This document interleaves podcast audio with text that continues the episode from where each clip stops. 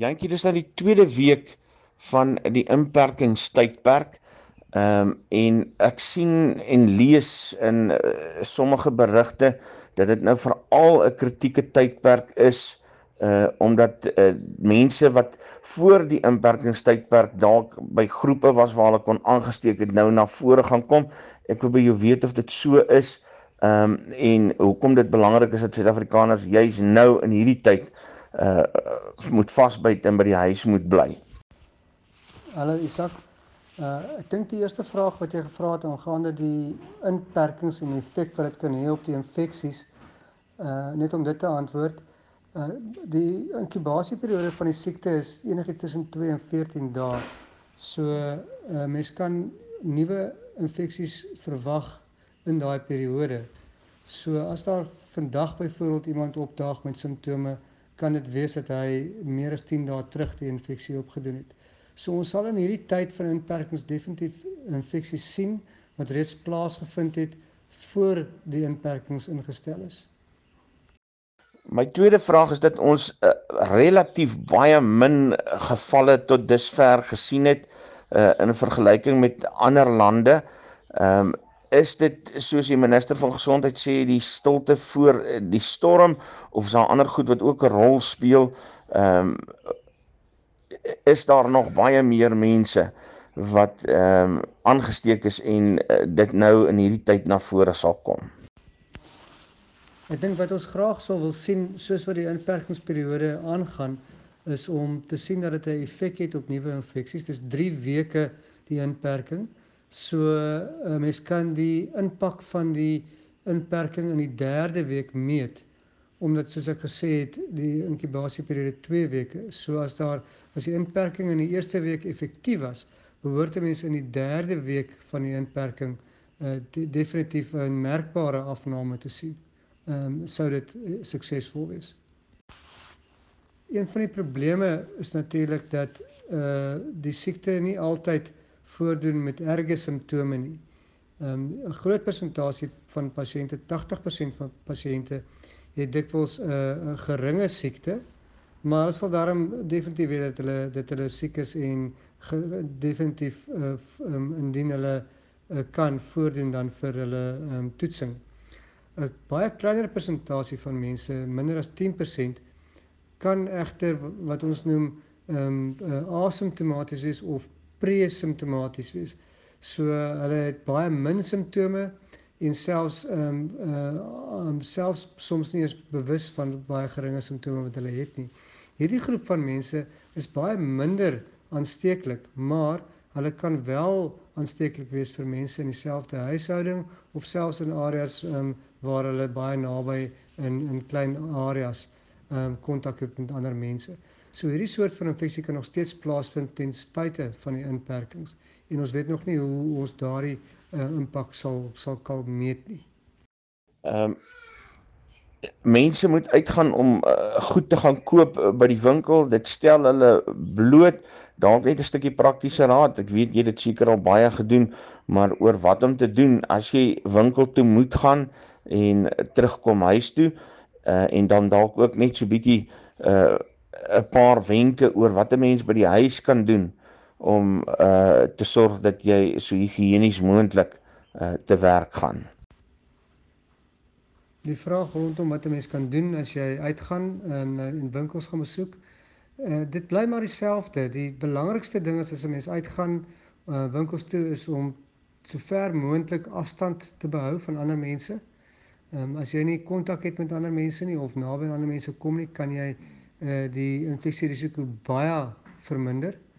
Uh daar word aanbeveel dat 'n afstand van omtrent 2 meter of um, 6 voet ehm um, gehou moet word tussen mense.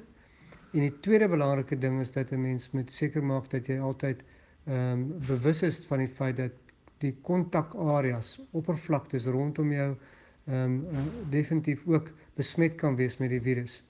En daarom moet jy altyd jou hande was nadat jy aan ander om oppervlaktes in die openbare omgewing geraak het um, en definitief um, voordat jy um, met jou hande aan jou gesig vat.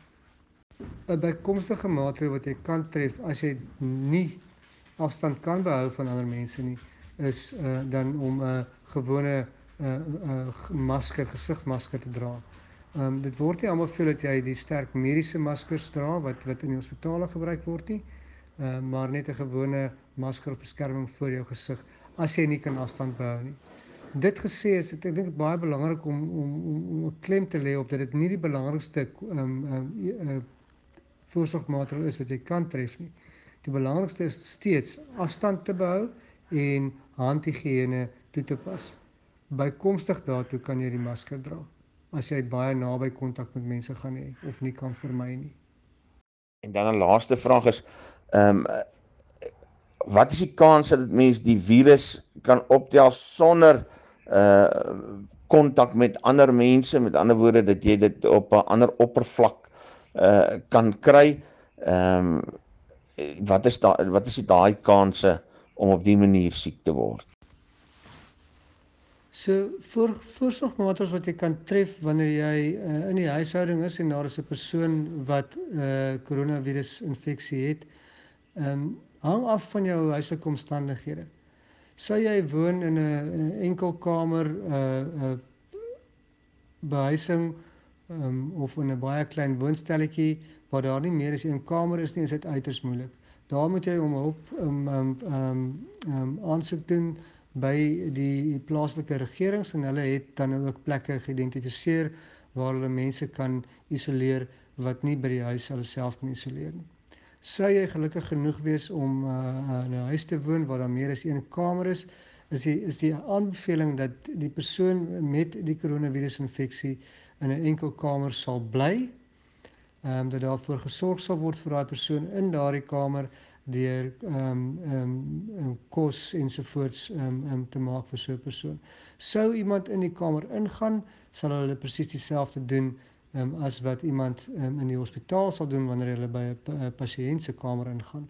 'n Masker dra, 'n voorskoot um, en dan ook handskoene um, om die kamer skoon te maak, miskien om kos weg te neem en so aan. Ekskuus, nog een laaste vraag, uh Jantjie. Ek sien dit lyk volgens die syfers of die meeste mense ehm um, ligte simptome kry. Ehm um, en dan kry jy nou natuurlik die wat ernstiger uh, simptome kry.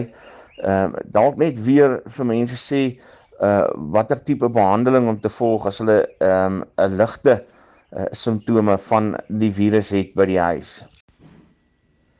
Dit raak nou duidelik uit ehm um, beskrywings van oor reg oor die wêreld dat die siekte 'n uh, wye spektrum uh het van van voordoening.